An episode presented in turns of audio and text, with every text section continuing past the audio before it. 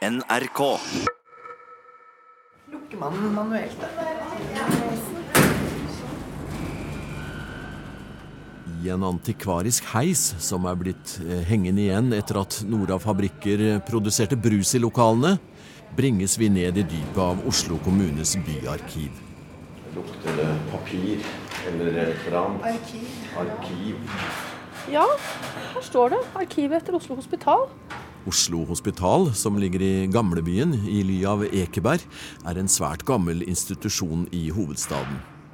Og få institusjoner har en så veldokumentert historie. Arkivet, som inntil for få år siden befant seg i et eh, kjellerrom i hospitalanlegget, er så enestående at det er kommet på listen over umistelige dokumenter i Norges dokumentarv. Det er den eh, norske delen av Unescos Memory of the World-register, altså en kulturhistorisk skatt. I museum i dag skal vi bli bedre kjent med hospitalet og arkivet. Kunsthistoriker og leder av Oslo Byarkivs private samlinger, Kirsti Gulovsen, skal hjelpe oss med det. Støttet av Hedvig Voldsnes, som er historiker med middelalder som spesialfelt. Hun jobber i Kulturetaten i Oslo. Vi står trangt mellom arkivreolene som rommer dette unike materialet, og som Gulovsen snakker begeistret om. Det er eh, ganske store mengder. Verden, altså. Men det er over en, en virkelig lang tid òg, da. Her er det materiale fra et langt, langt tidsspenn. Eh, det kom hit eh, før min tid, eh, i 2010, hvor det har ligget i, i, i kjelleren, iallfall de senere årene. Men her ligger jo fantastiske mengder med historie. Helt tilbake til de eldste dokumentene som vi har, som er fra midten av 1600-tallet. Som handler om historien. Dette er jo så fantastisk, for at hospitalet var jo både kirke, jordeier, herberg eller hospits, eller hva man vil kalle det for, for fattige. Og så senere ble det også dollhus, som vi jo ikke sier ja. i dag. Det, altså I dag er det et psykiatrisk sykehus, men den gangen var det dollhus, hvor man simpelthen oppbevarte avsindige og rasende mennesker, som det het. Så ja, altså bistotollmann, det er det tyske toll som ligger bak det norske ordet doll, dollhus. Mm. Så det er ikke noe rart at folk ikke i dag forstår hva et dollhus er for noe.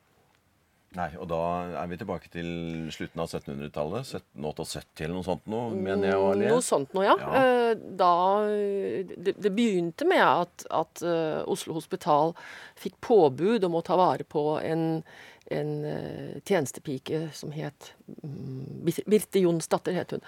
Som hadde tatt livet av sin husbonds barn. Og så fikk de beskjed om at de skulle ta vare på henne.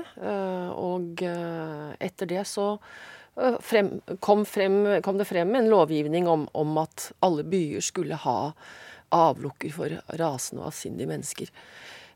og det var jo ikke så veldig hyggelig måte de ble oppbevart på heller. Kan, jeg kan godt ta frem det regnskapet hvor jeg fant fra 1781, hvor det står at de har betalt en masse penger for lenker og jern Vi kan finne det frem hvis du er interessert Ja, det. må vi se på.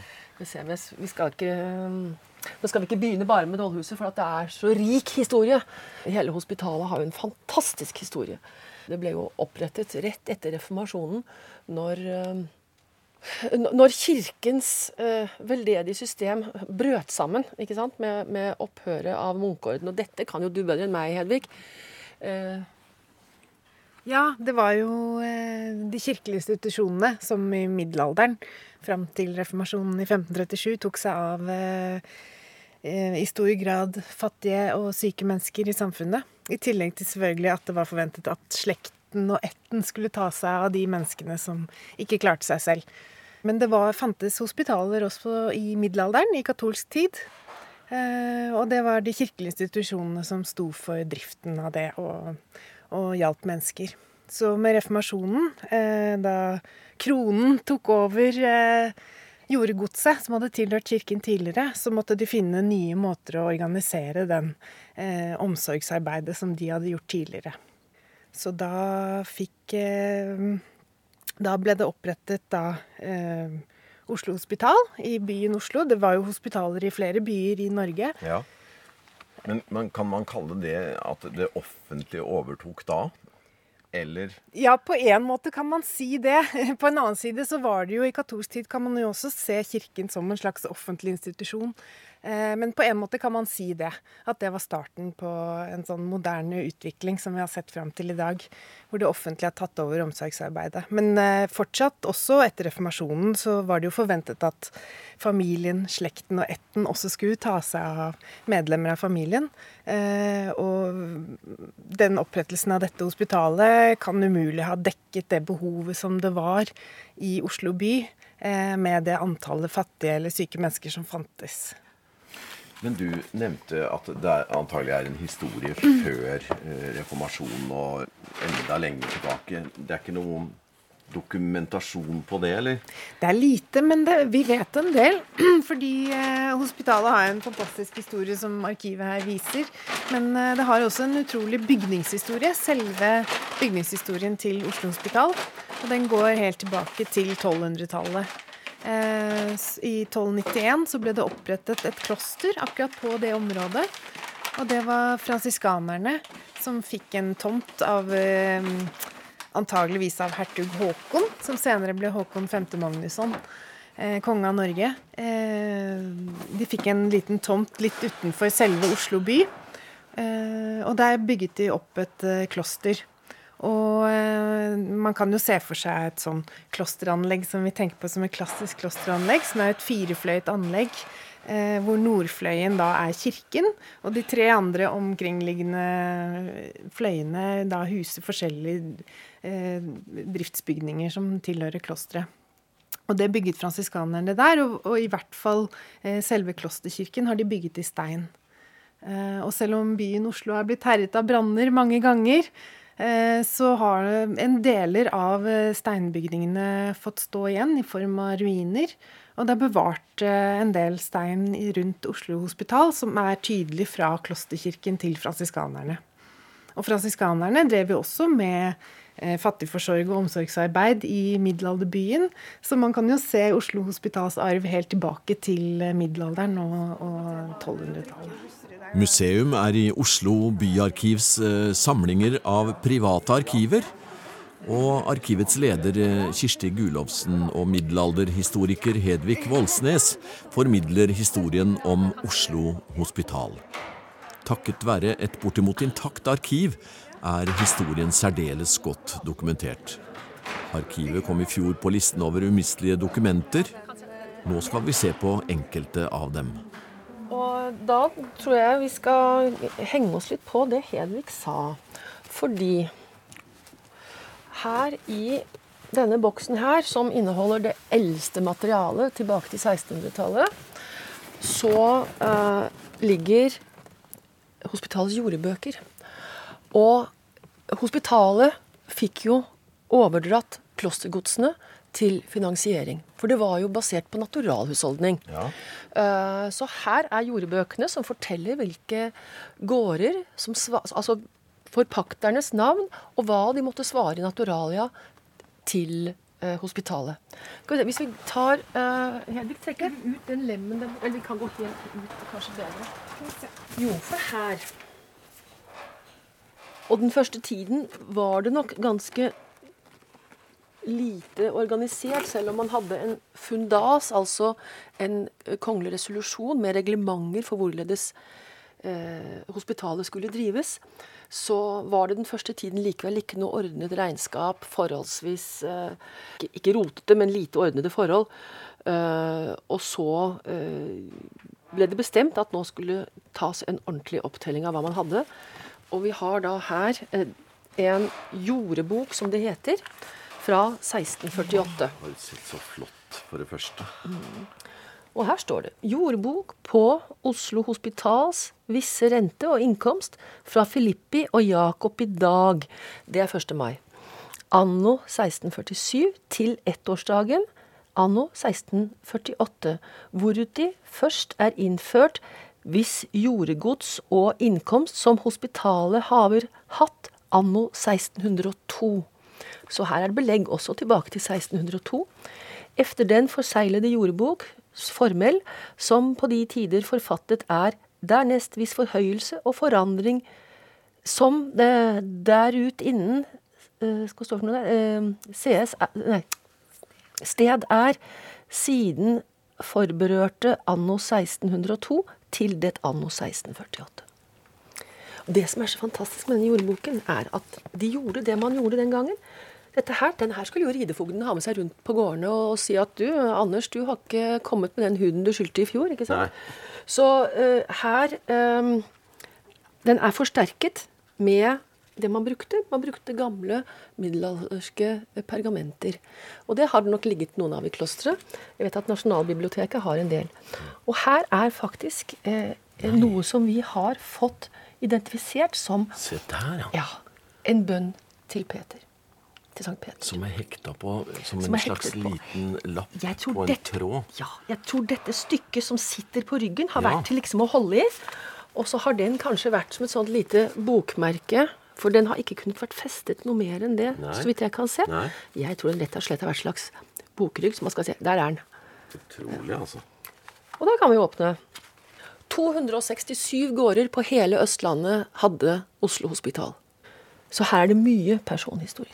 Telemarken, Bø sogn. Bjørne Greven betaler i bøksel. Tre tønner bjug. Det er bygg. Bamble. Nils og Oluf Gråstad, de svarer to huder. Så har vi enken på Søttholt av Kjerke Ødegård, altså en ødegård. Hun betaler én hud. Og så har vi Kjerkefoss. De betaler fem og en halv daler, for da betaler man fosseleie. For da tar man fossekraft. Ja, akkurat. Ja. Mm. Og så har vi Bjerkeseter Øde, én hud. Og så uh, uh, Tannervik, tror jeg det står én Vorde H. En Vorde det er et knippe. Det var et mål man brukte på fisk, og det er H-fisk. Altså pigghå, da? Som er hai? Ja, det er en liten hai. Ja. ja. Mm.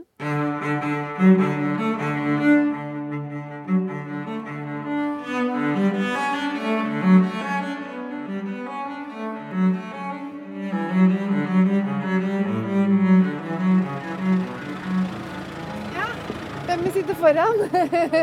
jeg kan sitte foran, men jeg skal jo ikke betale opp. Kan dere prate og se? Nå passerer vi der. Og... Ja, men det er det ikke. for her på hjørnet, her på, her på hjørnet av ja, Sveigårdsgate og Oslogate har sannsynligvis Nonneseter kloster ligget. Ja.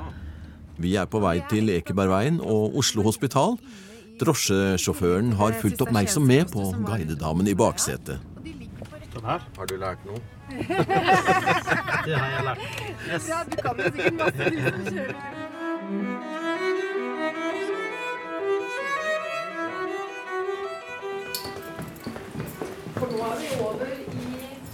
Si, nybygget fra 1886. Som er en Det første bygget som egentlig er bygget utenfor det gamle klosterområdet.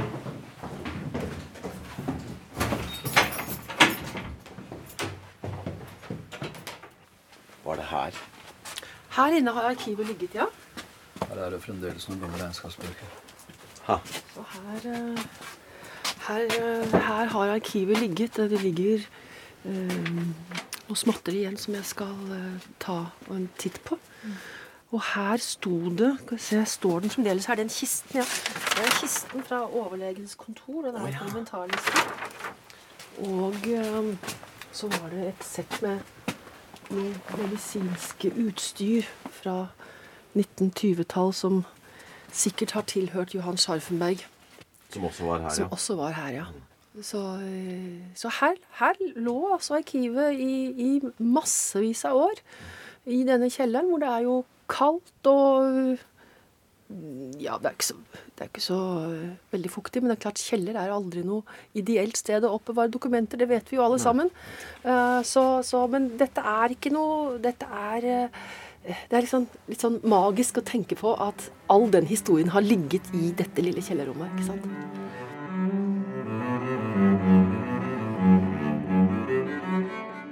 Hospitalet i dag drives eh, som et utleie av kontorer, hvor vi har eh, det største senteret for psykolog og psykiatri øst for elva. med avtale med Helse Sør-Øst. Så det ganske Det, interessant. det er fortsatt virksomhet som er i, Ja. i, i stedets ånd. Ja, absolutt. Anne Lise Arnesen er administrerende direktør i dagens Oslo Hospital. Vi jeg tror vi har en 15-16 psykologer og psykiatere som driver her. I Gråsteinsbygget og i administrasjonsbygget. Det er jo litt morsomt da, at historien vedvarer eh, som den da faktisk gjør. Ja, vi prøver i hvert fall å holde historien ved like. Ja. Men når eh, flytta på en måte den siste ut herfra i, i, i det gamle systemet, da, som Ja, beboer på Hun som var beboer her, hun må ha flyttet før 2006. Og jeg tror det kanskje var 2005 eller 2004. Det var en pasient som bodde her og hadde et soverom, kjøkken og stue i annen etasje her. Og hun ble behandlet borte på sykehuset. Hva tenker du om den lange historien som har vært i dette området, og dette huset og stedet? Jeg har prøvd å holde bygningsmassen ved like, og holde historien ved like. Jeg har prøvd å, ja, å holde hele historien ved like. For bygningsmassen har jo vært- så som så opp gjennom årene, da. Ja. Det at det nå i Byarkivet i Oslo ligger et, eh, et eh, fantastisk eh, flott arkiv som jeg har vært og sett deler av, har jo tilført byen en, en veldig verdifull eh, Ja. historisk res ressurs. Vi turte ikke å ha det liggende i kjelleren lenger. tilfelle skulle bli brann eller sånt nå, så vi overlot det til Byarkivet. Mm. Og det er vi i grunnen litt stolte av. Da rakk vi ikke å si så mye om kirken, som nå brukes som kulturhus, kirkegården eller sporene etter klosterhagen. Kirsti Gulovsen nevnte tidligere i programmet regnskapene fra tiden som dollhus eller galehus. Oslo Hospital var landets første psykiatriske sykehus, etablert i 1776. Men i den første tiden betød det stort sett bare oppbevaring. De syke fikk ingen behandling. For atskillige lenker og andre jern til bruk i huset, syv skilling. For låser og hengsler, reparasjon, én skilling og tre. Så dette var jo De folk ble jo lenket fast. eh, og, eh, og, og gjerne med hals- eller fotlenke. Og det ble også senket en slags eh, gitter over sengen, så de ikke kommer ut av sengen. Altså det blir et, slags bur. Jeg syns nesten jeg hører skrikene. Å, ikke snakk. Eh, og, og, mens tvangstrøyer er en noe senere oppfinnelse. Men fortsatt ingen behandling. Fortsatt oppbevaring. Ingen behandling, og eh, først på begynnelsen av 1800-tallet begynte, eh, begynte man å, å, å innse at dette var ganske inhumant. Eh, og eh, at de faktisk har krav på eh, en litt skikkeligere behandling. Og, og ordet dollhus gikk ut av bruk, og man begynte å snakke om sinnssyke. Sinnssyke asyl, vel å merke. Ikke sykehus, men sinnssyke asyl. Og det var jo snakk også om at, at Dollhuset måtte utvides. Men samtidig ble prins Christian Augusts minde opprettet inne i Kristiania, i, eh, i Storgata i Mangelsgården. Sånn at der eh, tok det av litt av trøkket, for å si det sånn. Sånn at det ble stående eh, uten noen særlig utvidelse til langt ut på 1800-tallet. Og da var det en overlege i byen som het Holst, og en yngre lege som het Herman Wedel Major, som eh, gjorde en utredning av forholdene. Og i 1848 kom Norges første sinnssykelovgivning. Den er jo Herman Wedel Majors verk, egentlig. Og han var overlege på Oslo Hospital. Nå ble det eh, obligatorisk med eh, protokollføring av pasientene. Eh, og det skulle behandles. Man trodde på en helbredelse eller en bedring. Så vi har eh, de protokollene med Herman Wedel Majors egne innførsler over, eh, over eh, pasientene. Og nå var de pasienter. Går det an å se det også? det går an. Det er 100-årsklausul på, eh, på pasientopplysninger. Så, så veldig mye senere enn akkurat de tidligste protokollene skal jeg ikke trekke frem. Det er jo en del som eh, har hørt om kallenavnet Dårekisten. Ja, Og det var vel på 1700-tallet at det kallenavnet oppsto, var det ikke det, Kirsti? Det var det. Ja, I forbindelse med det du fortalte om eh, disse redskapene de hadde for å holde pasientene fast, så oppsto det navnet Dårekisten.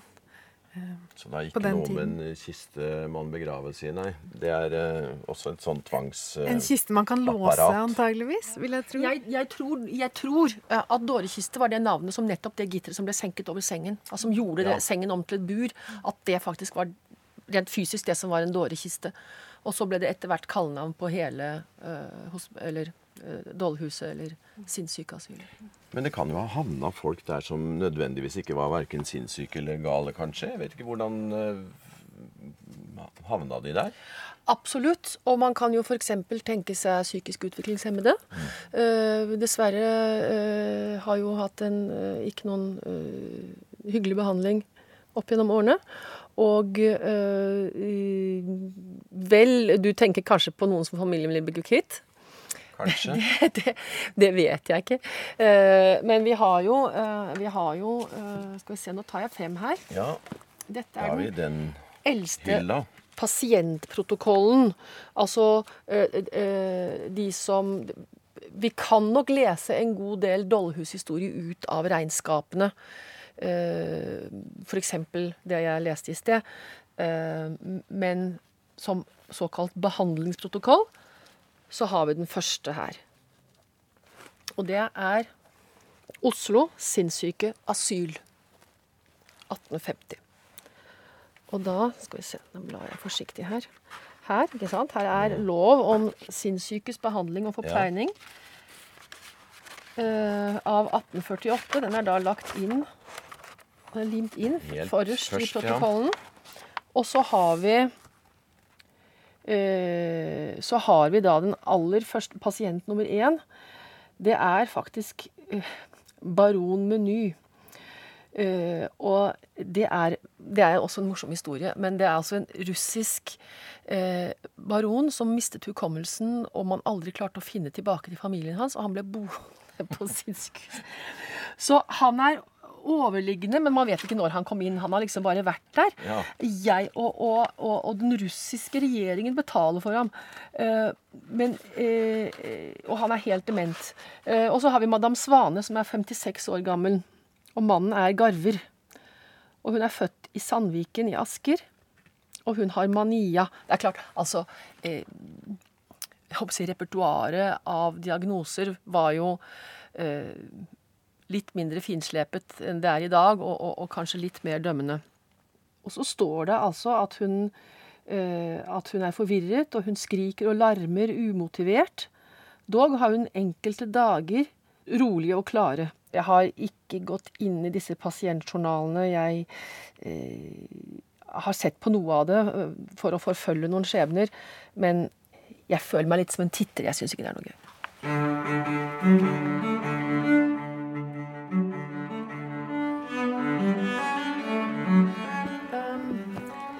Etter Major kom det andre overleger, og, og, og det er klart det at uh, behandlingen ble mer og mer human.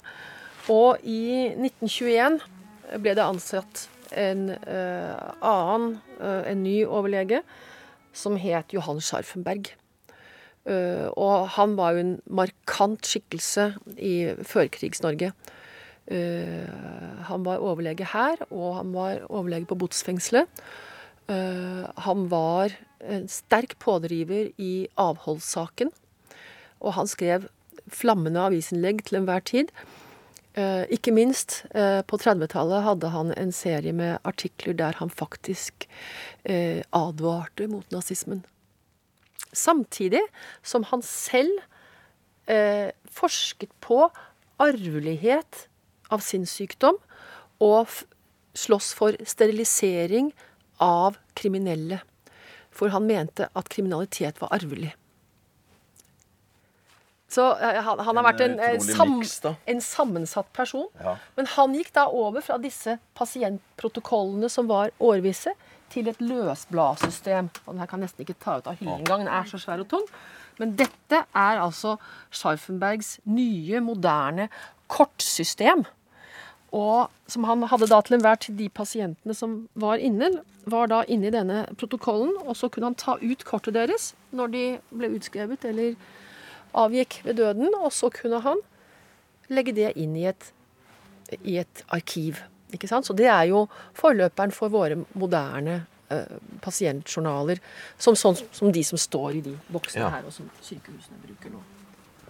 Så han har vært en kraftfull skikkelse, han har, men han, har, eh, han ble jo avsatt av eh, nazistene da annen verdenskrig kom, så han satt i veldig mange år. Og hans eh, dokumenter viser stor omsorg for både ø, pasienter og personale. Ikke minst for sykepleierne. Du har nå hørt en podkast av programmet Museum fra NRK P2. Og send gjerne en e-post til museum krøllalfa nrk.no.